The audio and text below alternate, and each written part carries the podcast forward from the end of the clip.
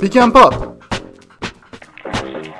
Perde çıkışı üçlü gönderen basketbol podcast'i.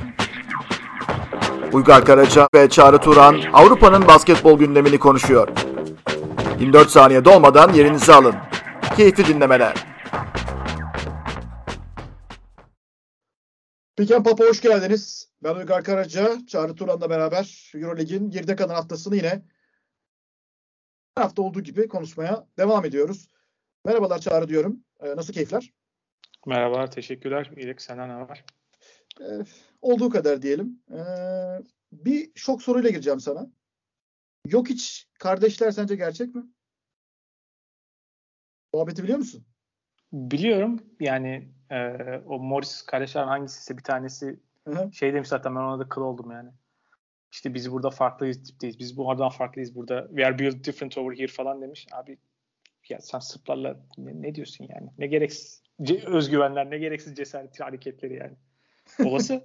olası. Yani Balkanlardan çıkan pek çok sporcunun özellikle dünya olanın çevresinde ailesi ve böyle tam bir entarj vardır yani. Normal. Olası. Evet. E, böyle tanımadık bir hesapla gelince ben de acaba o mu yoksa onun mahiyetinde e, takılan e, mesela yok, bir de Yusuf Nurkiç'e takılsalar mesela onu merak ediyorum. Mesela Yusuf Nurkiç'in babası falan gelse oraya. yok.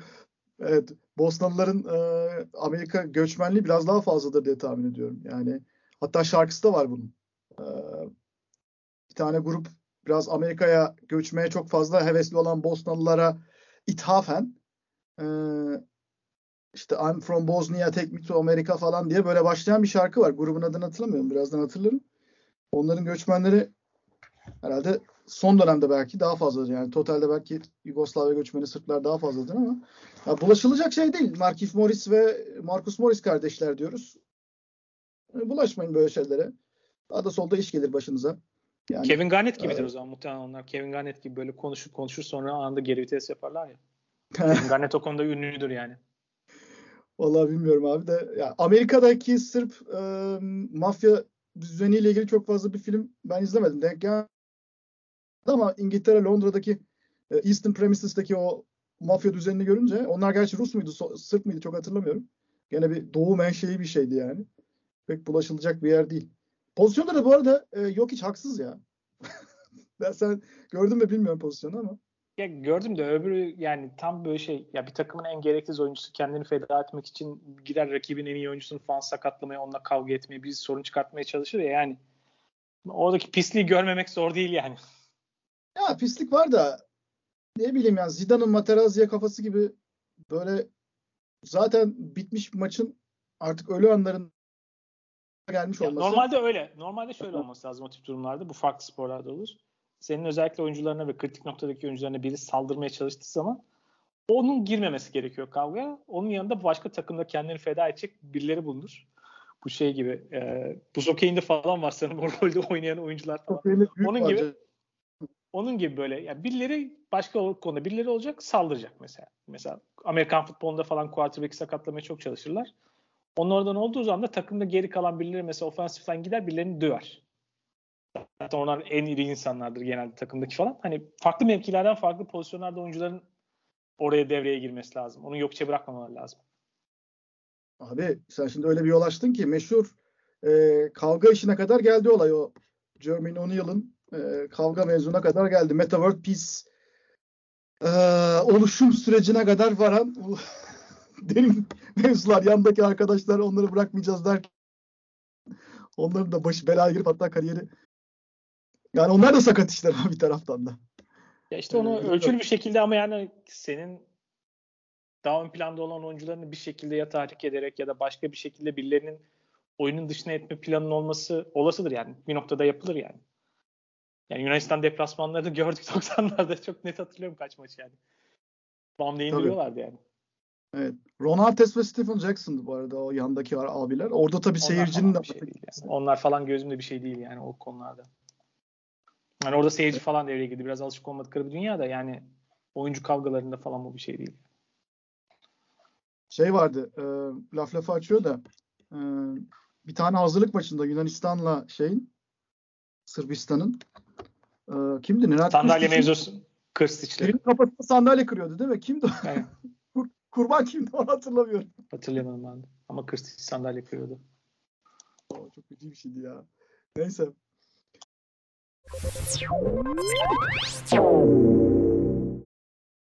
Euroleague mevzularına girelim. Bu hafta Fenerbahçe içeride çok kötü bir yenilgi aldı Milano'ya karşı. Milano'yu da e, olduğundan iyi gösteren bir galibiyet olduğunu düşünüyorum açıkçası.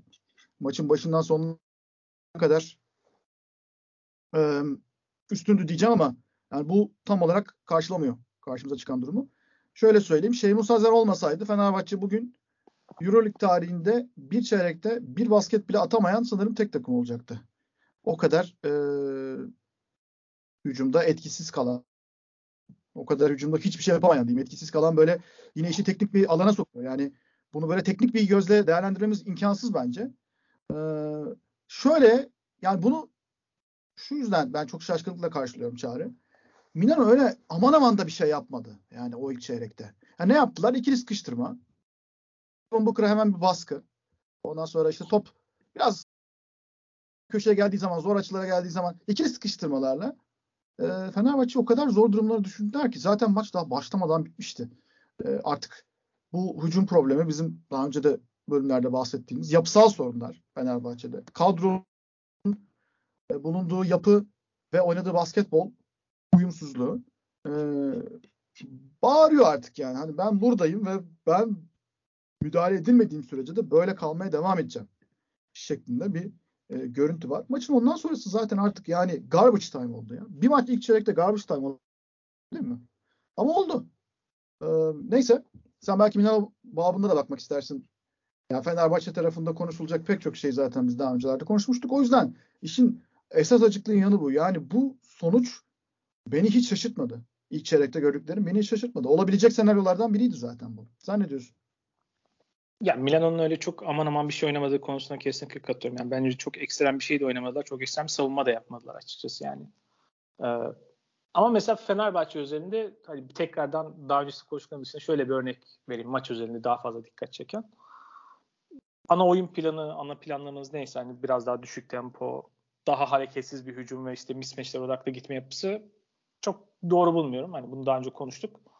Tamam ama en azından onu uygulayacaksanız onu yapmanızın gereken kendi içinde tutarlı bazı aksiyonlar uygulamanız gerekiyor. Örneğin sürekli bir şekilde alçak pasla top indirmek istiyorsanız alçak pasla top indireceğiniz oyuncuya doğru alan paylaşımıyla doğru pas açılarını yaratarak o pası vermeniz gerekiyor. Yani onun öncesinde bazı şeyleri daha iyi yapmanız gerekiyor. Şimdi bu konularda özensizlik mesela. O yüzden o pası atarken mismatch olsa bile e, savunmadaki oyuncu orada alçak postaki oyuncu hem yakın zamanda bir yerde yardım getirebilecek durumda oldu hem de normalde alçak posttaki o işte bazen Veseli'ye bazen bu kuyunu inmeye indirilmeye çalışan toplarda onu biraz dışarı iterek potadan uzaklaşan ve iyi istediğin noktada topları almamasını sağlayan mesela bir oyun örneği koydular. O da mesela dengeleri bozuyor. Yani ama sizler de eğer, eğer orada doğru aksiyonların üzerinden çıkıp bir şekilde o planlamayı yaparsanız en azından o top doğru yerde alırsınız. Yani bir de uzun oyuncuya yani mümkün olunca potaya yakın hani işte belki tek hareket, tek adım üzerinden atma özelliği sağlam yani fırsatları sağlamanız gerekirken orada kendi kendine alçak post oynasın. Hani düşük yüzdeli hücuma yönlendirmeyi kabul etmiş oluyorsunuz. Şöyle bir örnek vereyim. Ee, örneğin Jelko Obradoviç takımlarında da çok fazla alçak posta ve mismatch'i top indirdiğini görürsünüz. Bu vardır. Ama onun öncesinde bir şekilde alan açmak ve o pas açısını yaratmak konusunda ciddi bir çaba vardır. Ve nihayetinde onun sonunda top oraya iner.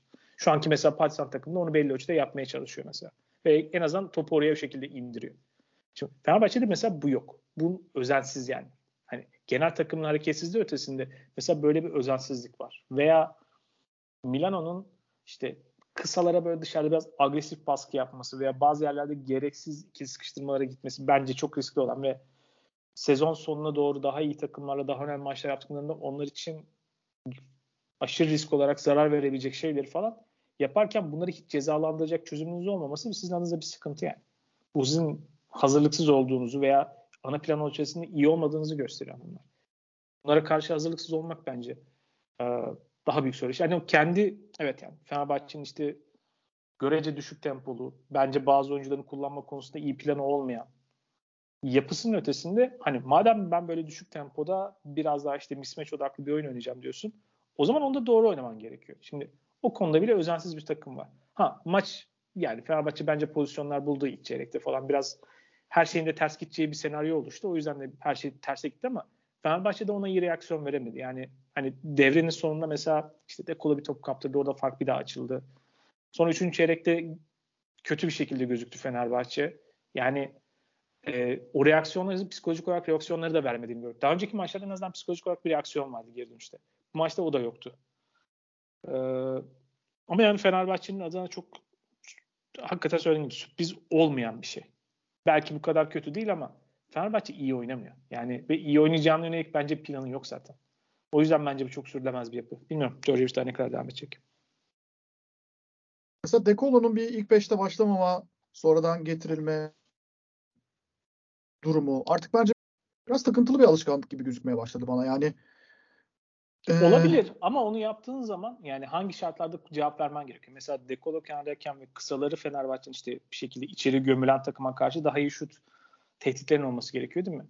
Mesela Pierre Henry evet. oyuncu değil. Yani e, o yüzden mesela Dekolo'nun olmaması önemli bir sıkıntı. Yani o mesela Dekolo'yu daha erken bir şekilde devreye sokmak lazım. Orada sokmak lazım. Bunun gibi aslında işin optimizasyon tarafında, mikro management tarafında zaten bin tane sıkıntı var yani. Mesela ikinci yarıda tamam Veseli oynatıyorsun, Booker oynatıyorsun. Ee, peki yani o ikiliyi kullanıyorsun 4 ve 5 numaralarda. Polonara'dan yararlanmayı düşünmüyorsun. Ki beş, e, Fenerbahçe'nin hücuma bakışını tamamen değiştirebilecek bir oyuncu Polonara. Çünkü farklı, bu ikisinden de farklı bir oyun. 3-4 oynayabilir. 4 numarada kullanabilirsin. Ee, savunmada ben biraz daha gömülü yaptığımda boyalı alanda güçlü kalmak istiyorum demeye çalışıyorsun herhalde. Öyle anlıyorum. Veseli ile Booker'ı beraber oynattığın zaman biraz sertlik gelsin. Biraz orada, oraya hani yer kaplayalım orada ve Veseli de biraz yıpratsın falan. İkinci yarıda Fenerbahçe yediği sayıların büyük bir çoğunluğunu özellikle çeyreğin başında yani kendi gardını tamamen düşüren sayıları da içeriden yedi.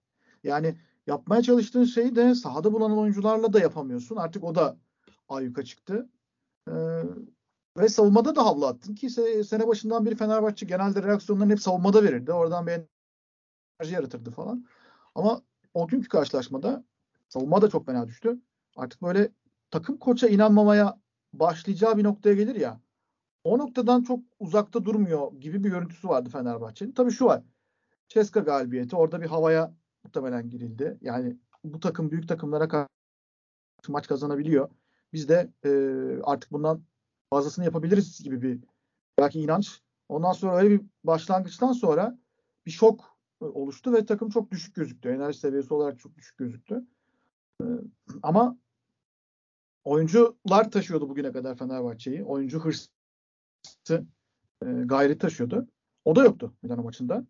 Dediğin gibi bundan sonrası artık e, biraz daha tehlikeli bölgeye sokar e, Djordjevic'i. E, gerçi zor maçlar maratonunda henüz tam bitmiş değil. Daha bir Jalgiris ve bir Bayern deplasmanları var. Ondan sonra Efes'le oynayacaklar. Bu maçlardan alınacak üst üste 3 yenilgi e, bir sürecin sonunu getirebilir bence. E, nasıl alındıkları da önemli. Ancak deplasman da alınacak bir galibiyette yine o vakti uzatacak. E, bakalım göreceğiz. İleriki vakitlerde. Özellikle haftaya açık maç haftası. Bayağı önemli bir maç. Milano ile ilgili bir not düşeyim. Milano'da benim en çok dikkatimi çeken onlardan biri. Sene başından beri hep e, o dönüp dolaşıp Milano'yu sezon sonu için gerçekçi bir şampiyonluk adayı veya bir Final Four adayı görüp görmeme konusunda fikirleri kapıştırıyoruz. Fenerbahçe maçı bir ölçüt müydü? Tek başına değil ama Milano'da ben mesela bu sene dikkatimi çeken istatistiklerden bir tanesi biraz detay olacak ama bu köşe üçlükleri.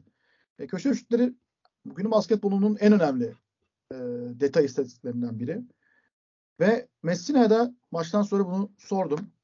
Bu köşe üçlükleri bu sene sizde çok daha iyi. Yani bir köşeden %47 atıyorlar, bir köşeden %46 atıyorlar. Bütün maçlarında. Hani oynadıkları e, bu sezon bütün maçlarda bunu yakalamışlar. %47 ve %46 köşelerden bulmak ne demek? Şöyle söyleyeyim. Şu anda NBA'de köşe üçlüklerinden %50'yi bulan bir tane takım var. O da Phoenix. %48'i bulan e, San Antonio var. Bu ikisi dışında öyle bir yüzde yok. Bir de Çağrı mesela benim dikkatimi çeken, ayrıyetten dikkatimi çeken noktası bu üçlüklerin bulunmasında son 8 saniyede mesela 8 saniye kendime bir ölçütü olarak aldım. E, yakalıyorlar bu yüzdeyi. Yani e, 24 saniyeye baktığımda belki yüzde biraz daha düşüyor ama son 8 saniyeye bakınca böyle yüzde 47, yüzde 46 bunları bul, bulabiliyorlar. E, bu işte bence biraz artık takım aklını gösteriyor. Mesela Shavon Shields inanılmaz bir elit skorer değil. Her şeyi atabilecek bir oyuncu değil. Yani işte te sene başında konuşuyorduk Utkan'la. Bu takımda kim her maçta 15 sayı atacak, 20 sayı atacak diyorduk. Shavon Shields belki öyle 15 sayılar atmıyor ama bu şutların hazırlanmasında ya birinci asistan ya ikinci asistan yani asistin asistini e, yapan oyuncu. Onun dışında Kyle Hines zaten ikili oyunları çok iyi oynayıp devrildikten sonra pas dağıtıyor. E, Melli çok iyi bir dağıtım yapıyor. Ve tüm bunlarla beraber bence geçen sene göre daha iyi spacing yapan, e, şutlarını yine bir şekilde 24 saniyenin sonlarına doğru bırakan ama çok da iyi bir köşe üçlük üçlüsü genel olarak üçlükleri geçen sene göre azıcık daha düştü ama çok iyi bir köşe üçlüsü takım olarak görüyorum Milano'yu. Ee, bu maçları devam etti yani Fenerbahçe maçında da oradan yine birkaç tane buldular. Ee, Mitoğlu bunlardan bir tanesi. Mitoğlu'dan gelmişti hatırladığım kadarıyla. Benim notum bu Milano ile ilgili. Söylediğini anlamakla beraber şöyle bir şart koyayım. Milano bahsettiğin o top dolaşımıyla alakalı yani bir şekilde o topu kenara falan indirmek ve onlarla alakalı çok fazla bireysel oyuncuların inisiyatiflerine dayanıyor. Zaten Milano ile ilgili bence temel e, ikna etmeyen noktada hep böyle dönüp dolaşıp geldiğimiz nokta. En azından geldiğim nokta orası. Çünkü bunu örneğin hücumların kaçında gerçekten bir şekilde zorlama şutlardan kaçıp topu dolaştırmaya çalışıyorlar diye baksak muhtemelen başka bir istatistik görürüz. Biraz fazla e, doğaçlama, fazla oyuncuların belki biraz daha hani plandan bağımsız hani bazen oyunculara hani belli alanlarda belli opsiyonlar verirsiniz daha tanımlı bir özgürlük olur. Öyle de değil. Fazla bir şekilde oyuncuların doğaçlama takıldığı ve ona bağlı olarak çalışan yapılar var. Eğer rakip savunma yeterince disiplindeyse ve o savunmadaki işte kırılmalar yaşanıyorsa, rotasyonlar kaçıyorsa, dağılıyorlarsa, adamların kaçıyorsa o zaman o pozisyonları daha kolay, kesinlikle çok daha yüksek şeyler bu. Ama savunmayı kendisi bir şekilde hücum, kendi organizasyonu ile beraber örneğin e, bazı hatalara yönlendirmek, kendi inisiyatifiyle, organizasyonuyla avantajı bulma konusunda pek istikrarlı bir takım değil. Yani bu konuda şey e, pek inatçı bir takım değiller. Yani ideal dünyada gerçekten topu dolaştırma ve bunu özel merkezine koyan takımlar bir şekilde kendisi farklı şekillerde yani bazen pick and bir yere işte bisikletinden biri kaçar, öbür tarafa pas atarsınız. Bir yere biri kaçar, bazen bir oyuncu biri geçer. Bir avantaj elde ederiz ve o avantajı aslında bir şekilde sahanın belki daha farklı bir noktasına daha iyi taşımak adımında o topun dolaştığı ve sizi daha iyi, daha yüzdeli bir şuta yönlendiren pozisyon arama alışkanlığınız vardır. Milan onu pek sistemsel olarak yapmıyor. O yüzden de disiplinli takımlara karşı, onların daha dirayetli savunmalarına karşı geçen sezon da zorlandılar. Bence bu sezon da dönem dönem daha o seviyenin düşük yukarı çıktığı zamanlarda zorlandılar. Çünkü çok bireylere bağlı ve çok doğaçlama oynuyorlar. O yüzden o konuda Milano bana pek güven vermiyor zaman zaman çok iyi göründüklerinin farkındayım görüntü olarak ama detaylara baktığım zaman beni o anlamda çok ikna etmiyor açıkçası. Evet fikstürlerine bakalım. Fikstürlerinde de böyle bir enteresan döneme girdiler. 6 ee, karşılaşmanın 5'ini deplasmanda oynuyorlar ama bunlar öyle inanılmaz deplasmanlar değil. Yani en zorlarından biri bence Fenerbahçe'ydi. Ondan sonra bir önümüzdeki hafta e, çift maçta Unix ve Zenit Rusya dublesi yapacaklar. Ee, bu arada St. Petersburg kazan uçuşu da çok yakın bir uçuş değildir diye tahmin ediyorum biz. Ne kadar Rusya'da biraz daha yakın mesafe gibi görsek de. Ee, Hiç yakın o, değil. değil değil mi? Aynen. Rusya'nın içinde hiçbir yer yakın değil zaten. Yani Kazan'a gittin mi sen? Hayır. Ama haritadan gördüğüm görüntü beni çok ikna şey yapmadı yani ürkütücü. Yok o zaten eski Futbol Dünya Kupası'nda bayağı bir mevzu bahis olmuştu yani. Ee, bayağı bayağı yolculuk yapıyorlar Rusya'dan. Hatta şey e, bu sene Bahçeşehir'e gelen e, Eurocup skoreri Jamar Smith. Jamar Smith. E, biraz ondan artık adam e, bezmiş. Yani hani çok fazla yolculuk vardı. Çok fazla seyahat vardı artık biraz ailemle. E, biraz daha merkezi bir yerde zaman geçirmek istiyorum e, demişti. Yani Neden? Bu Rusya takımlarında ve Rusya'nın yani bir şekilde parayla bile belli noktada bazı oyuncuları tutamamasının sebeplerinden. Sen evet biraz daha Doğu Avrupa biraz Batı Avrupa'dan farklı bir kültür var. Bazı oyuncular çok yaşamayı sevmiyor hava vesaire falan belli bir sürenin sonunda ama bu seyahat ve onlarda zaman içerisinde oluşturduğu fiziksel yorgunluğun şöyle iki tane faktör. Bir bazı oyuncular bir noktadan sonra ayrılmak istiyor. Çok hikayesinde böyle şeyleri duyduk.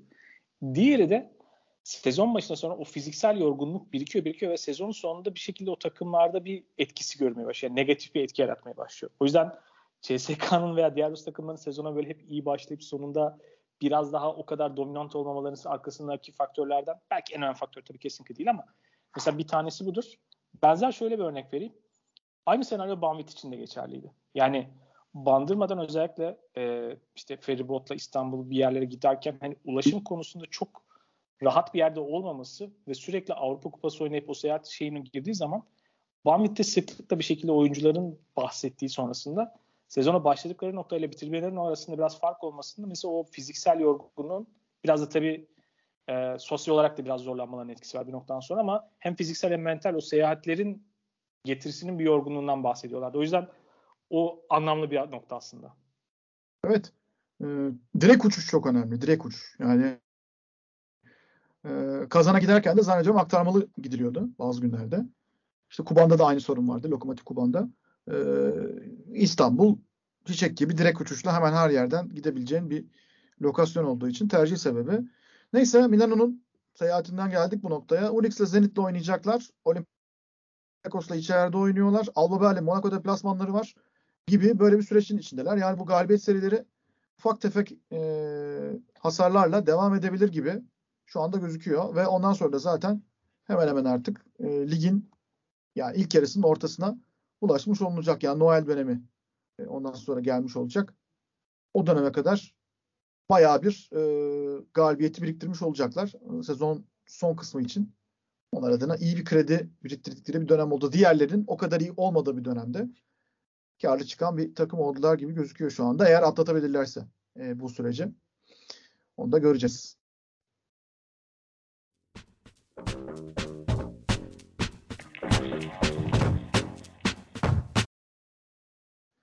Devam edelim. Efes'in bir Alba galibiyeti var. Ee, çok ihtiyaç duyulan bir galibiyetti açıkçası. Ee, şu dönem içerisinde Efes özellikle bir şeyleri düzelttiğine inandığı bir noktada geldi evinde Zenit'e karşı çok farklı bir yenilgi aldı. Üstelik de artık çok fazla bahane de kalmadı. Yani sakatlar da düzeldi. Tamam %100 formda olduğunu söyleyemeyiz geri dönen oyuncularında ama yavaş yavaş düzeliyorlar. Özellikle Kuruno Simon'un takıma entegre olduktan sonra nasıl bir öneme sahip olduğunu bir daha bence görmüş olduk. 18 sayı attı, 30 dakika sahada kaldı Berlin'de. Ee, şut yüzdesi üçlüklerde çok iyi değil ama önümüzdeki zamanlarda o da düzelecektir. Bunun e, sebeplerinden biri Efes'in biraz maçı erken koparması oldu. E, ama işte Simon da devreye girdiği zaman, Larkin, e, Boboa, Mitsic devreye girdiği zaman hani böyle geçen sene Efes nasıl bir durdurulan takımda onun e, küçük bir hatırlatıcısı gibi maç oldu aslına bakarsan. O yüzden Efes için güzel bir sinyal ama daha çok yol var önlerinde. Bir de vermeleri gereken bazı kararlar var e, bence. Örneğin mesela Chris Singleton'la ilgili ne düşünüyorlar? E, Chris Singleton bu sene çok kopuk oynuyor takımdan. Ergin Ataman da zaten maç sonrası açıklamalarında birkaç kez e, dikkat çekti. Bazı oyuncuların bireysel katkıları konusunda. Brian Dunstan aynı şekilde. Yani devre arasında bu oyunculardan bir tanesini veya iki tanesini değiştirmek veya başka birini alıp e, onların sürelerini daha da kısmak gibi bir yola giderler mi? Bunu da sinyalini vermişti Ergin Ataman. Önce deneyeceğiz. Bu oyuncuları zorlayacağız. Ama olmadı. Reboundları çıkan, e, biraz daha defansla bize yardımcı olabilecek, alanı kapatan e, bir pota koruyucusunu, çember koruyucusunu alabiliriz demişti. Hala Singleton ve Dunstan'dan çok çok iyi işaretler bireysel anlamda gelmiyor. Petrushev Euroleague seviyesine biraz zayıf kalıyor. Ligde çok iyi bir maç çıkarmış olmasına karşın. Bütün yük uzun rotasyonunda e, Tibor Plyce'ın üzerine binmiş durumda. Tibor Plyce'ın da işini kolaylaştıracak yakın e, bitirmesini sağlayacak çok fazla set yok Efes'in. O uzun ikiliklerin artık son e, bayrak taşıyıcısı olan Avrupa'da. Onun kadar çok fazla deneyen görmüyorum ben Playska'da. E, uzun ikilikleriyle 8'de 7 attı Alba Berlin maçında. Ta, takımı taşımaya devam ediyor. Şu dönemde Sertaç'ın da yokluğunun hissedildiği bu dönemde o kadar işe yarıyor ki bunlar. E, ha biçilmez bir katkı bence Plyce'dan. Gelmeye devam ediyor. Elijah Bryant iyi başlamıştı. Takımdaki yerini henüz tam bulamadı. E, Canan Musa'ya benzemesinden korkuyorum bu vakanın. Ki Elijah Bryant için büyük bir e, yazık olur açıkçası. Ama onun da vakti gelecek diye tahmin ediyorum. Bir şekilde onu entegre etmenin yolunu bulacaklardır. Dediğim gibi yani Alba Berlin sınırları belli olan bir takım. Çok iyi niyetliler. Çok beğendiğim bir takım benim. İyi bir proje. Bence desteklenmesi lazım böyle projelerin Avrupa'da ama belki Alba Berlin daha fazla konuşacağımız e, dönemler gelebilir. Ama bu maçta kötülerdi. Yani Efes'e gerçekten güçleri yetmedi. Orada bir tek Tamir Blat'ı ben çok e, hafta hafta gelişirken buluyorum. Şutlarını hala sokamıyor. Ama e, kullandığı top başına asist yüzdesini bayağı bir arttırdı. Ve takım temposuna da çok iyi katkısı var. Luke Sigma'nın üzerinden e, oyun kurma rolünü e, bayağı bir hafifletmiş durumda. Yük almış durumda. E, ilginç savunmacıları da Malte Delo. Birebir de çok iyi bir savunmacı. Hücum katkısı da veriyor biraz. Ama Alba Berlin'i konuşacağımız daha iyi e, çerçevelerde konuşacağımız zamanlar bence daha sonra olabilir. Yani Efes maçı kesinlikle değildi. Efes için güzel bir nefes alma maçı oldu. Ama işler daha yeni başlıyor. Çok fazla yenilgi alındı o süreçte. Toparlanabilecek bir noktada hala e, Efes. Yani bir kazanıp bir kaybediyor konumundan artık seri galibiyetler dönemine geçebilir. O yüzden de önümüzdeki iki maçları Olympiakos ve Monaco maçları içeride oynayacakları çok belirleyici olacak. Ondan sonra zaten e, bu maçları kazanamazlarsa başları belada. Fenerbahçe oynayacaklar. Barcelona ve Bayern e, şeklinde devam ediyor seri. E, Alba Berlin Efes serisi bu şekilde benim tarafımda.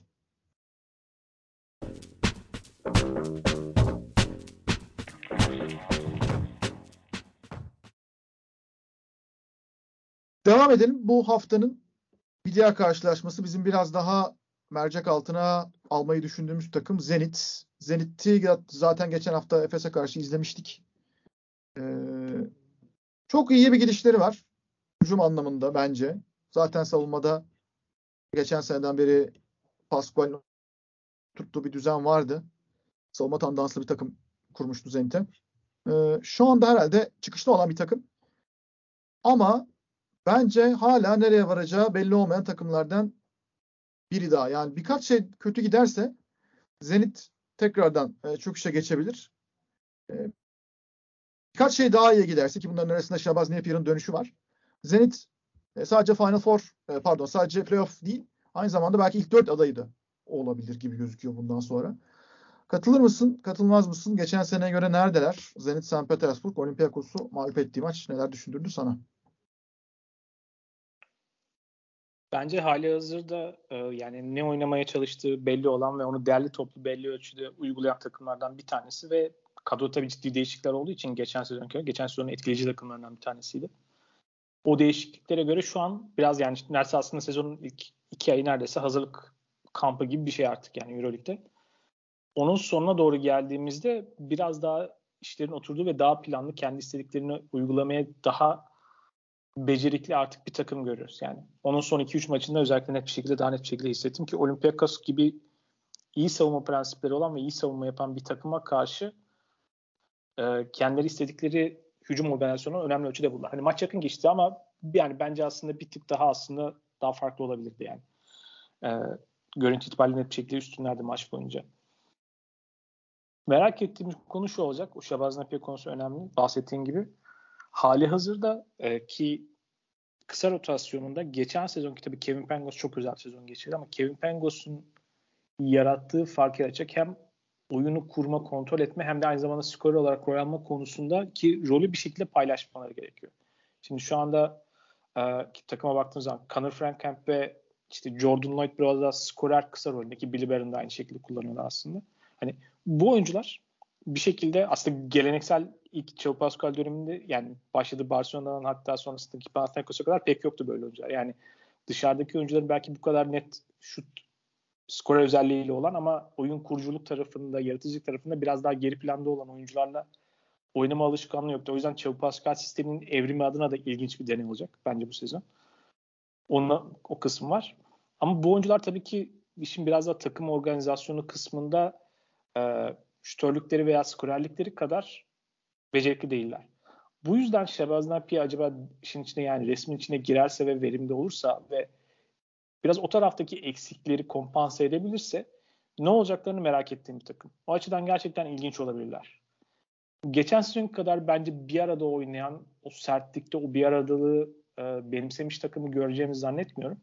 Ama daha farklı rakibe sorunlar sunan, belki daha yüksek skor potansiyeli olan, biraz daha hücumda belki zaman zaman böyle hiç beklemediğin şekilde 90'ları görebileceğin takımlar oluşturan ilginç bir takım olabilirler. O anlamda nereye gideceklerini merak ediyorum. Ama onun dışında tabii ki potansiyel olarak ligdeki pek çok takımdan daha iyiler. Yani en azından ligin orta üst sınıfında bir takım. Şu anda da bir şekilde galibiyetleri almaya başladıkları için e, ve onun arkasının devamını getirebilirler. Halihazırda önlerindeki bence birkaç haftalık fikstür de gayet iyi. O zaman bir şekilde e, ilk dört için çok ikna etmiyor. Kadronun yapısı biraz. Ama playoff'a e, rahat girme ihtimali olan yani 6. sıra civarında bir yer için iyi bir şansı olan yukarıdaki bir takımlardan biri tökezlediğinde de veya Şebaz Napiye konusu bir şekilde çok iyi bir entegre olursa ve iyi performans olursa o zaman gerçekten tepedeki yani belki 2-3 takımın yerini daha net gördüğümüz ama ondan sonrasında biraz çalkantılı olduğu bir sezonda oraya kapak atabilecek bir takım olabilirler. Biraz ne olacaklarını merak ediyorum. Yani savunmada hala oldukça iyiler. Savunmada iyi prensipleri olan bir takım uygulamaya çalışıyor ama hücumda tabii geçen sezonki akıcılıkları yok. Onu acaba ona biraz daha yaklaşabilirler mi? Belki geçen sezon kadar akıcı bir hücumlara sahip olmazlar ama daha fazla atıcı üzerinden belki daha patlayıcı bir hücum organizasyonuna dönebilirler. Onu yapıp yapamayacaklarını merak ediyorum. Benim için ilginç nokta yani. Bundan sonraki haftalarda da onu bekleyeceğim özellikle Napi'ye döndükten sonra. Zenit'le ilgili enteresan notlar var. Mesela bunlardan biri sezon başına gerçekten çok kötü üçlük attıkları e, maçlar ayrı fazlaydı. Hem Lig'de hem e, Euroleague'de. O anlamda çok iyi başlayamamışlardı. Çok zirvelere çıktıkları maçlar da vardı. İşte onlardan biri Unix maçı 21'de 13 üçlükle oynamışlardı. Ee, ama çok düşük seviyelerde kaldıkları mesela bir Aslan maçı 30 üçlük denemesine 5 isabet gibi garip bir yüzde. Ee, paramparça oldukları bir Barcelona maçı vardı. 10'da 2 gibi hem az üçlük atıp hem de hiçbir şey e, neredeyse elde edemedileri üçlükten. Bugünün modern basketbolunda hiç katlanılabilecek bir durum olmayan %20 gibi bir yüzde buldular. Ama son maçlarına bakıyoruz. Ee, örneğin Baskonya maçı %45 atmışlar. 30'un üzerinde üçlük denedikleri e, maçlar bir hayli fazla. E, son 6 maçta 3 kere falan 30'un üzerine çıkmışlar. Ligde Zilyona Gora maçı 35'te 18 attılar. Ya 35'te 18 atıyorsun. %51'i buluyorsun. Olympiakos maçında Billy Baylor'ın 7'de 1 attığı maçta 25'te 10 buluyorsun. Ve %40 üçlük dağıtıyorsun. Şu anda Eurolig'in en iyi e, üçlük atan takımlarından biri. Yani Barcelona %39 atıyor. Bayern %38, Zenit az ver yine %38 atıyorlar. E, şimdi bu sadece bir eldeki bir işte ne bileyim stok veri. Yani sadece üçlüklere bakılacak olursa e, ki bu bugünün basketbolunda bir takımın neler yapabileceğini anlamak için oldukça yetersiz kalan bir veri. Ama maç oyun dinamiklerine bakacak olursak e, dört oyuncudan birden Olympiakos gibi senin dediğin gibi özellikle kanat savunması çok güçlü olan şeyde penetresi zor farklı tipte hücumları çok kolay uygulayamayacağım bir takım full switch oynuyorlar. E bunu da çok iyi yapıyorlar yani. Papa Nikola oradan kapatıyor. Vezenkov oradan kapatıyor. E, Mustafa Fal fena bir savunmacı olmadı. Alanı kapatıyor. Yani bir Rudy Gobert değil hala ama e, Hasan Mert'in yine benim çok sevdiğim bir switch, iyi bir switch savunma uzunu falan gibi şeyler. Ama buna rağmen dört tane oyuncunun çift tanelere getiriyorsun. Bunlardan biri Connor Frankamp ki son haftalarda büyük yükselişi var. Evet Kevin Pangos gibi bir oyuncu değil. Kevin Pangos oyunu kuran, oyunu yönlendiren, sahaya ağırlığını koyan bir oyuncuydu. Bu sene de Cleveland'da hiç oynamıyor. Yazık kenarda havlu sallıyor ama. Connor Frankamp şu son haftalarda biraz daha fazla top ağırlıklı oynamaya başladı. Daha öncesinde işte perdeden çıkıp top alıp başkasının ürettiği pozisyonu bitiren son noktayı koyan oyuncu konumundaydı. Şimdi bu aralar biraz daha fazla el üzerinden üçlük falan deniyor. Daha yoğun bir sorumluluk. Geçen seneki e, aldığı rollere benzer almaya, roller almaya başladığını gördük. E, Billy Bayron O da mesela çok catch and shoot oyuncusuydu. Biliyorsun Avrupa'da bunu en iyi yapan artık veteran statüsünde ama oyunculardan biriydi. Bayern çok fazla top ağırlıklı oynuyor. Yani takımda net bir bir numaranın olmaması, işte Napier'ın e, türlü dönememesi herhalde Billy Bayern'ı biraz böyle oynamaya itti ama o da e, karşılığını veriyor bunun. Yani 7'de 1 üçlük attı ama e, ikiliklerine baktığın zaman 14 sayıya ulaştığını görüyorsun. E, ondan bir çift taneli katkı aldılar. Kuzmiskas çok kopuk kopuk oynayan bir oyuncuydu. Geçen hafta da biraz bahsetmiştim. Ve Kuzmiskas'ı ilk defa uzun süreden sonra o lokomotif dönemleri vesaire e, bu kadar değerli toplu, bu kadar bir takımın içinde kendine rol bulmuş. Sırtı dönük oynuyor. Büyük oranda sırtı dönük oynuyor. Ama zaten e, böyle oynamayı seven bir oyuncu ve bunu anlamlı bütünlük içerisinde sunabildiğini görüyorum ben Şevo Pascual'in. E, Kuzmiskas babında da. Jordan Mickey'den faydalanıyorlar. E, yani daha doğrusu şöyle oynuyorlar. Gudaitis Mickey ikilisiyle mesela oynayabiliyor. Yani bugünün basketbolunda bu çok büyük bir lüks. Bu kadar sert ve ağır bir ikiliyle 4 ve 5 numaralarda oynamak. Yani iki tane 5 numara oynatıyorsun. Ee, bazen 4 numara oynatmadan. İlginç bir yaklaşım. Ee, Kuzminskas Gudaitis oynatabiliyorsun veya Kuzminskas Miki oynatabiliyorsun. Bunlar ilginç kombinasyonlar. Her şekilde sayı bulabilen bir takım. Geçen sene savunmanın yıldızı olan Alex Poitras bu sene o kadar öne çıkmıyor mesela. Ee, onun savunma yükünü de azaltmış durumdalar. Görünmeyen işlerini çok fazla yapmak zorunda kalıyordu. Onu yükünü almış durumdalar. Ben çok çeşitli bir takım görüyorum. Böyle giderse Napier'ın da işte burada kilit adam senin de e, bahsettiğin gibi e, bana katıldığın konu. Yani Napier gelip de düzen dışı skorda üretmeye başlarsa bu Zenit takımından ciddi korkulur. Yani dört numarayı şuradan söyledim Çağrı. Ya dördüncü sıra neden alabilirler diye. Şimdi orada kim var? Milano var, Barcelona var, Real Madrid var. Bunlar 8, 7 ve 7 galibiyetteler. Arkası tufan. Yani Olympiakos var, Maccabi var, Asvel var, Zenit var 6 galibiyette. Efes bir noktada toparlanacak diye bekliyoruz. Ceska var. Yani orada aday çok.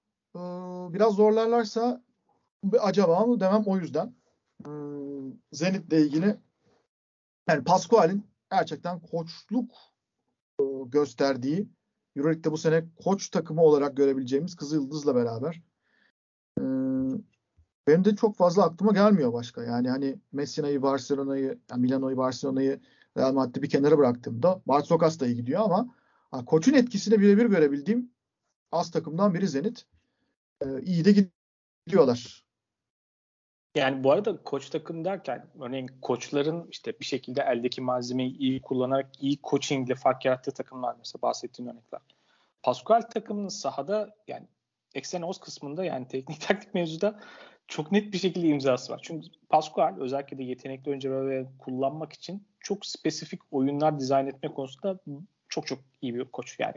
Hatta gereğinden fazla belki bunu karmaşık ve çok fazla oyunu bulunduğu için bazen sıkıntılar yaşayan bir koç ama spesifik olarak bazı oyuncuları kullanmak için net iyi oynanabilen, çok iyi oyunlar tasarlayabilen bir koç ve Zenit'in hücumunda mesela onu çok net bir şekilde gösteriyor. Yani savunmada da bence bazı prensiplerde o net var. Bazı işte kaymaların, bazı yardımların nasıl geleceği konusunda net iyi çalışmış çalışmış örnekler var. Yani koçun o o koçun sisteminin özellikleri olduğunu hissettiğiniz şeyler var. Mesela bu takımda da var yani o dizaynlar. Özellikle Conor Frankamp'in son birkaç haftadaki mesela örneğin topu alış şekli onu topla buluşturdukları noktalar, hazırladıkları pozisyonlar falan çok net yani koç tasarım ve Pascal tasarım diye böyle bağırıyor yani. Onu hissediyor. Biraz farklı tipte bir koç takımı aynı zamanda. Evet. Euroleague'de 3 galibiyet üst üste gelmiş oldu böylece. Toplamdaysa 5 galibiyetlik bir seriden bahsediyoruz. Ee, ki bugünün Avrupa'sında öyle 5 galibiyeti üst üste almak gerçekten zor iş. Ceska bile patır patır yeniliyor e, du en azından. Onlar da çok uzun süreli bir yenilgi serisini sonlandırmayı başardılar diyelim. Biraz Ceska ve Ceska üzerinden de e, Makabi maçına belki geçebiliriz. Ceska çok zor bir galibiyet elde etti. Bence Makabi büyük bir fırsat kaçırdı diyorum. E, o son topta Derek Williams biraz daha güçlü bitirebilse orada Daniel Hackett'ın e, son saniyede toplar nasıl savunulur konulu bence. Hmm, çok güzel bir şey vardı. Ne diyelim? Faul yapmadan açış e, açısını, atış açısını mümkün olduğu kadar e, düşürdü. Tabii Derek Williams gibi boş alanda uçan kaçan e, işte smaçlarla şovunu yapan, böyle takımı ateşleyen bir oyuncunun öyle bir ana o kadar zayıf bir bitiriş yapmasını biraz yadırgamadım değil. Ama zaten Derek Williams hiçbir zaman son saniyelerin en akıllı adamı olmadı. Valencia'da bir maçını galiba geçen sene hatırlıyorum konuşmuştuk burada. Ee, yani maçı... Birkaç maçı var. Bence bir maçı daha ön plana çıktı ama birkaç maçı var yani. Değil mi? İstisnai bir karakter o kadında. Çok ee, karar verici. Ya orada Wilbeck'in mesela kendi atmayı tercih etmeyip öyle bir seçime yönelmesi de enteresandı. Yani maç boyu e, çok fazla birebir zorlayıp o anda o sorumluluk yani o daha doğru geldi herhalde diye tahmin ediyorum. Bu arada gene sonunda yani Wilbeck'in gereksiz zorladığı son top vardı aslında. Gene gene en son topta aslında çok kötü zorladı Wilbeck'in orada. Ya e, Wilbeck'inden konuşalım o zaman tamam. Makabi'den mi başlayalım? Ceska'dan mı başlayalım? Biraz belki ya Makabi odak alacağız ama e, Ceska'yla Ya şöyle yani. Ceska yani hala toparlanmış ve iyi durumda değil sadece. Kötü durumda aslında. Grigonis'in gelmesi bir tık daha rahatlatmış olmakla beraber çok aman aman bir maç olmadı. Yani maç bu arada kalite olarak bayağı kötü bir maçtı.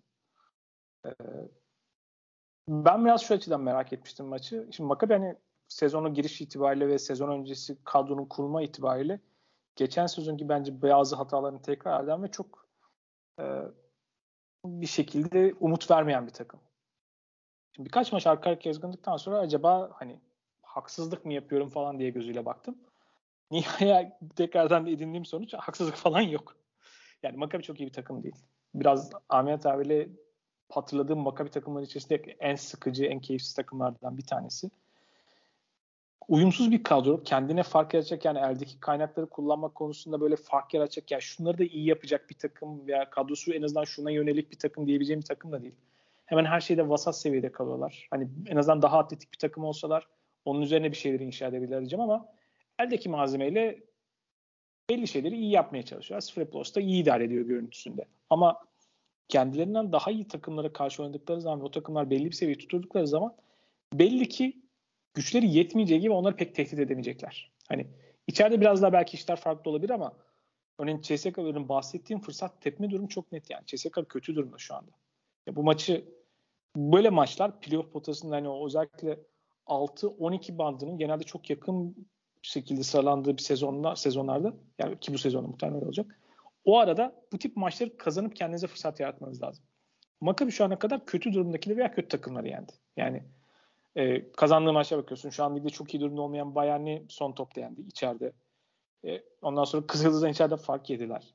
Hani diğer yendikleri takımlara bakıyorum. Asvel, Panathinaikos, Jalgiris, Baskonya hepsi bu ligin alt seviyesi yani çok anamatik hani belki Asvel'in galibiyet sayısı var ama çok üst seviye bir takım olmadığını söyleyebiliriz rahatlıkla. Barcelona hani farklı yandan ama Barcelona o ara çok kötü bir durumda olduğu barizdi.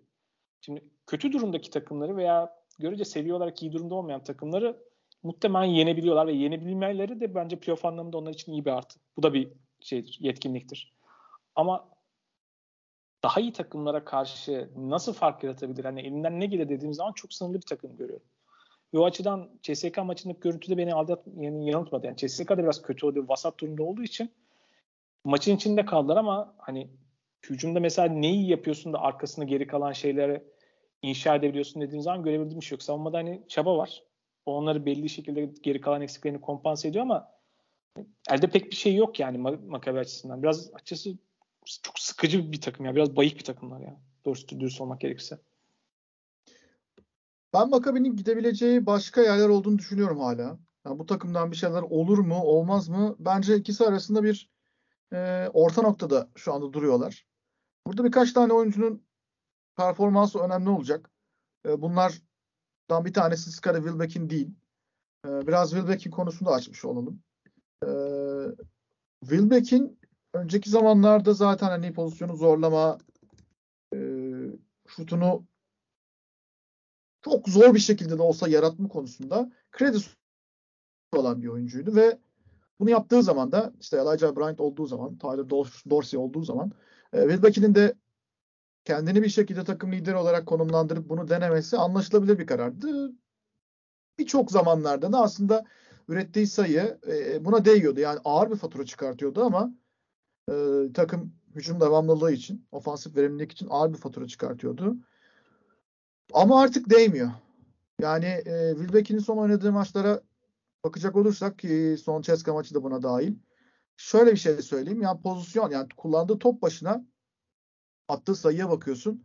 Wilbeck'in e, birin üzerinde e, kullandığı top başına kazandırdığı sayı olan maç artık e, son dönemde çok az. Mesela Ceska maçı 0.8 atmış. Yani 100 kez top getirse 80 sayı kazandırıyor gibi düşünebiliriz bunu. E, ligdeki maçlarda da kötü oynuyor. Baskonya maçı yani çok çok kötü durumdaydı. E, bir şey yapamadı zaten. E, biraz Barcelona maçında yine ağır bir faturayla yani çok fazla şut kullanarak belki e, bir katkı vermeye çalıştı. Jalgiris maçı gene kötüydü. Yani Birçok maçta e, takım için artık böyle pahalı bir oyuncu haline geldi. Yani kontratı babında söylemiyorum ama kullandığı top başına verdiği katkı çok pahalı bir hale gelmeye başladı. İşin garibi de Maccabi'nin halen o, o yaratıcılığa ya da yaratıcılığa demeyelim de bir şekilde o sorumluluğu alan bir oyuncuya hala saha içerisinde ihtiyacı var. Yani ne Wilbeck'in ne oluyor ne Wilbeck'insiz oluyor gibi bir görüntüleri var. E, geçtiğimiz yıllarda en azından Dorsey vardı, Bryant vardı. E, bu konuda bir çeşitleme yapabiliyorlardı. Başka çözümler üretebiliyorlardı. Şu anda Kenan Evans öyle bir oyuncu değil yani. O liderliği şu anda üstlenmeye niyetli bir oyuncu değil. Oyun rolü de öyle değil zaten. Daha çok servisçi, güzel bir as, asistan. Aynı zamanda da iyi bir e, üçlük savunması yapıyor. Yani perimetrenin uçlarında ayakları sağlam, çabuk ve dikkatli bir oyuncu. E, Cameron Taylor da tam olarak öyle değil. Bu vaziyette James Nunnally e, beklenmedik bir anda yönlendirici ve hücum sürükleyici bir oyuncu pozisyonuna geçti. O yüzden bence James Nunnally'nin bu takımın en ana iki yönlü e, rol oyuncusu olarak ortaya koyacağı performans Maccabi'nin sezon sonu gidişatını belirleyecek e, noktalardan bir tanesi. Wilbeck'in ya mesela orada şimdi bölüyorum seni kusura bakma ama mesela James Stanley'nin bu kadar ön planda olması zaten takımın tavanıyla alakalı resmi gösteriyor. O yüzden de biraz daha yüksek kalibre takımlara karşı çok kötü görünüyorlar. Yani sadece skor vesaire ötesinde sahadaki görüntü çok kötü. Peki ee, şey ne diyorsun? Siz için ne diyorsun? Anteziz için dönüşü fena olmadı diye düşünüyorum ben. Neden biliyor musun? Geçen seneki Zizic'den çok daha iyi alan kontrol edebilen, e, kısa devrilmede de sadece çembere yakın oynayıp o vücuduyla zorlayarak, iterek basket bulmaktan bahsetmiyorum yani eski tip 5 numara gibi ama kısa devrilmeden çıktıktan sonra pas dağıtımı ve faal alma konusunda da Maccabi'yi bayağı bir rahatlattı. Ee, şey maçında, Ceska maçında. Sakatlıktan dönüşü benim beklediğimin üzerinde bir e, destek verdi. İkinci noktası da Maccabi'nin sezonunu belirleyecek adamlardan bir tanesi de Ante Zizic gibi bir izlenime kapıldım ben. En azından son maçlardan çıkardığım izlenim buydu. Bilmiyorum katılır mısın? Yani geçen sezon tabii e, biraz daha uyumsuz bir yapı vardı. Yani bu sezon en azından biraz daha bir arada oynuyorlar. Bence temel fark o. Belki sakatlık vesaire etkisi de olabilir. Yani çünkü geçen sezonda sakatlıklar yaşadılar. Ee, onun da etkisi olabilir. Geçen sezon içerideki yani uzun grubu biraz daha atletizm açısından böyle çok keskin bir şekilde düşüş yaşamışlardı önceki sezona göre. Bu sezon biraz daha işte Jalen Reynolds vesaire falan orayı biraz daha kompanse ediyor. Gerçi Lesor oynamıyor. Oynasa sanki bir şekilde kullanabilseler daha iyi uygun olabilir. Yani onu tamamlamadın ama zaten muhtemelen o da ayrılacak e, haberleri çıkmaya başladı. Aslında onu daha iyi kompanse eden ve uyumlu bir grup olabilirler yani. Belki bir tane orada bence gene sıkıntılı olan kısımları yani ona alan açacak bir e, şutör bir dört numara konusu da bence eksik o takımda. O yüzden de bence Ziz için en azından yani çok ideal takım kimliği olmasa da Zizic'i de daha iyi kullanabilecekleri bir yapı o zaman mümkün olabilir. Ama şu anda biraz daha iyi görünmesinin sebeplerinden bir tanesi de ya elde başka da malzeme yok yani. Gün sonunda ona dönmek zorundalar artık. Lesont zaten şeyin yerine gelmişti. Sakatlanınca Zizic. Hemen onu bir e, replacement olarak aldılar. Sakatlık şokeri olarak. Fakat Zizic'in sakatlığı o kadar da uzun sürmedi. Böylece Lesort da takıma alışıncaya kadar zaten e, ona gerek kalmayan bir noktaya gelindi. Ama kullanabilirler. Lesort kötü bir sezon geçirmedi geçtiğimiz yılda. Ve işte Fransa milli takım pencerelerinde falan da fena gözükmüyordu. Ben bu takımda bir şeyler yapabileceğini düşünüyordum. Kalıcı olabileceğini düşünüyordum ama pek de öyle olmadı. Ee, şutör 4 numara olarak yani Roman Sorkin'in üçlük katkısını bundan sonra biraz daha cesaretlendirmeyle kullanmak isteyebilirler mi diye düşünüyorum. Ee, gerçi çok da üstlenemiyor Roman Sorkin. Yani öyle bir oynayan bir oyuncu değil zaten. Ee, ama böyle bir çıkış yani takımın içerisinden bir çözüm üretmeye çalışıyorlarsa böyle bir çıkış belki gelebilir. Çünkü Derek Williams o kişi değil kesinlikle. Ee, yani o Derek Williams'ın o şutları denemesindense biraz Roman Sorkin'i e, havaya sokup çünkü sonuçta sağlam oyuncu yani e, temeli sağlam. Oregon Koleji'nde 4 sene kolej oynadı. E, iyi bir reboundçı. Düzgün şutlar atıyor. Sağda e, spacing'i iyi. Nerede duracağını e, biliyor demesem de nerede duracağı konusunda çok daha iyi algılara sahip bir oyuncu. Bir de dışta olsa Roman Sorkin'de neler yapacak da benim beğendiğim bir oyuncu zaten bu sene Euroleague'de de izliyoruz. Yani İsrail takımda da e, izlediğimiz bir oyuncu. Bakalım onun dış şut açılımı gelir mi? E, neden olmasın yani Sertat sonuçta böyle bir açılımı yaparak Efes'i şampiyon yapan oyunculardan biri olmuştu. Makabi'de. Ha, bir tek artıları var. Çağrı o da şey. E, maçtan çok kolay kopmuyor Makabi. E, iyi savunma yapabildiği zamanlarda bir tane hızlı hücum e, opsiyonum var. O da Derek Williams. Yani Derek Williams zaten zıpkın gibi fırlıyor. E, iyi savunma yapıldığında hemen bir transition basketi ve bu sayede Maccabi farklı skorlardan geri gelebiliyor. Aynı şekilde kendi önde olduğu maçlarda da tepe taklak gidebiliyor ama en azından onu yapabiliyorlar. Yani hızlı hücumları yani Derek Williams'ın verdiği katkı biraz e, orada kalmış durumda. E, şu ana kadar John Di Bartolomeo ve daha önceki yıllarda keyifle izlediğimiz Angelo Calairo pek fazla ortada yoklar. Onların bu e, sahada silik olmaları yani süre olarak da görüntü olarak da düzelmesi gereken başlıca konulardan biri. Ama Maccabi hala yani playoff'ta kimsenin oynamak istemeyeceği bir takım olabilir bence. Ee, gidişata bağlı. Peki bu haftanın artık yavaş yavaş sonuna geliyoruz. Hafta iki konularımızda bence yavaş yavaş belirleyebiliriz. Mesela bir Kızıl Yıldız'dan artık birazcık daha fazla belki konuşabiliriz. Çok iyi bir savunma takımı. Savunmada neleri daha iyi yaptıklarını belki konuşabiliriz sonraki haftalarda. Jalgiris'te bir kıpırdanma oldu. O da işte Real Madrid'e karşı gene kaybettiler. Ee, şu ana kadar 9'da 0 gibi. Kimsenin beklemediği bir sayıdalar ama bir hareketlenme oldu. En azından Zoran Dragic'in gelişiyle. Ty Webster'ı da aldılar. Bakalım belki onlardan konuşuruz. Real Madrid 95-82 ile kazandı demiştik. Monaco geçen hafta konuştuk 94-71 ile kazandı. Barcelona Baskonya 93-67 ya Ivanovic, ya Ivanovic, Ivanovic ne zaman ne zaman gidecek diye bekliyorum ben de. Çünkü çok kötüler yani herkesten yani 30-30 yenir mi ya? Baskonya bir de yani sezon öncesi potansiyel hani gizli favori modunda bir takımdı yani kadro olarak baktığında herkesten 30 yiyorlar. Ee, sanırım orada Wade Baldwin'le alakalı da başka sorunlar var ama yani o Ivanovic'in çözebileceği bir sorun değil yani. Başka isimlere gitmeleri lazım. Mesela hep merak şey istemiş yani düşünmüşümdür. Dejan Radonjic Kızıldız'da çok benim beğendiğim bir koçtur ve bence farklı takımlara yapılara uygun bir koçtur. Mesela ben onun Baskonya'ya çok uygun olabileceğini düşünüyorum ama hiç öyle bir denk gelmedi yani düşünmedi. Mesela şu takımla onun ne yapabileceğini merak ederdim açıkçası. Öyle bir network var mı ya? Yani biliyorsun bu işler biraz da hani alışkanlıkla falan dönüyor ya.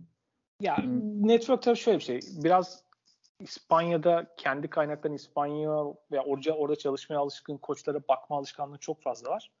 Bir de Baskonya özelinde e, koçların idman temposu koçun toplamda masaya getirebileceği şeyden daha önemli. o yüzden yani koherente falan girip idmanlara yeterince koşturmuyorsunuz topçuları falan diye gidip koça kızabilir yani. Öyle bir öyle bir yapıdan bahsediyoruz. Kendi nasip arasında. Ben açıkçası şu ana kadar e, gitmemiş olmasına bile bayağı bir şaşırdım şeyin için. Geçenlerde bir açıklama yaptı zaten işte bana inananlarla beraber sonuna kadar böyle mücadele edeceğim falan gibi. Böyle biraz klişe. Mesela Unix kazanan şu aralar mesela Perasovic gitse birkaç hafta sonra Perasovic orada görebiliriz. Ya deme öyle şeyler lütfen. Görmek istemiyoruz. böyle e, heyecanlandırmayan gelişmeleri e, diyorum. Yani Murcia'dan Sito Alonso olabilir. Çünkü Sito Alonso ile öyle bir dönemleri olmuştu. Evet Sito Alonso Bilbao'yu bırakıp kaçmıştı. Unutmayalım. Yok şey ya Baskonya'ya da geldi. Shane Larkin ilk senesi. Hatırlarsın. O yüzden o yüzden işte kaçıp gitti gitmesi şeklinde hatırlıyorum ben de tabii farklı bir bakış Doğru. Ya işte Shane Larkin'de ne Var yani bir sürü yetenekli İspanyol koç var. Bence oraya gidebilirlerdi. Yani e, Penaroya falan geçen sezon flash koçlarından bir tanesi. Yakın zaman Valencia'yı tabii yukarı doğru bir adım attı. Mesela onun falan da peşinde koşabilirlerdi ama geçen sezon bir şekilde e, dönem dönem iyi gözüktükleri için bir de önceki sezon tabii şampiyon oldukları için bir şekilde İspanya Ligi'ni orada Ivanovic'in tabii farklı bir kredisi var herhalde. Onun etkisiyle devam ettiler.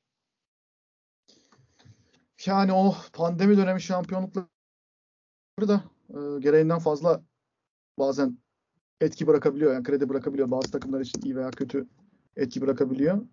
Bu akşam bu arada e, Adriyatik Ligi'nde Kızıldız Partizan var. Belki haftaya e, Partizan da biraz konuşur. Sen aldığım kadarıyla izliyorsun Partizan'ı. E, yani bir da... maçlarını izleyebildim. Hatta aslında ben bu hafta bir şekilde yayın olmadığı için çok bakamadım ama aslında Bologna, Virtus Bologna, Valencia maçını izlemeyi düşünmüştüm. Çünkü Euro Cup'ın potansiyel iki tane favorisi. O ilginç evet. maç olmuş.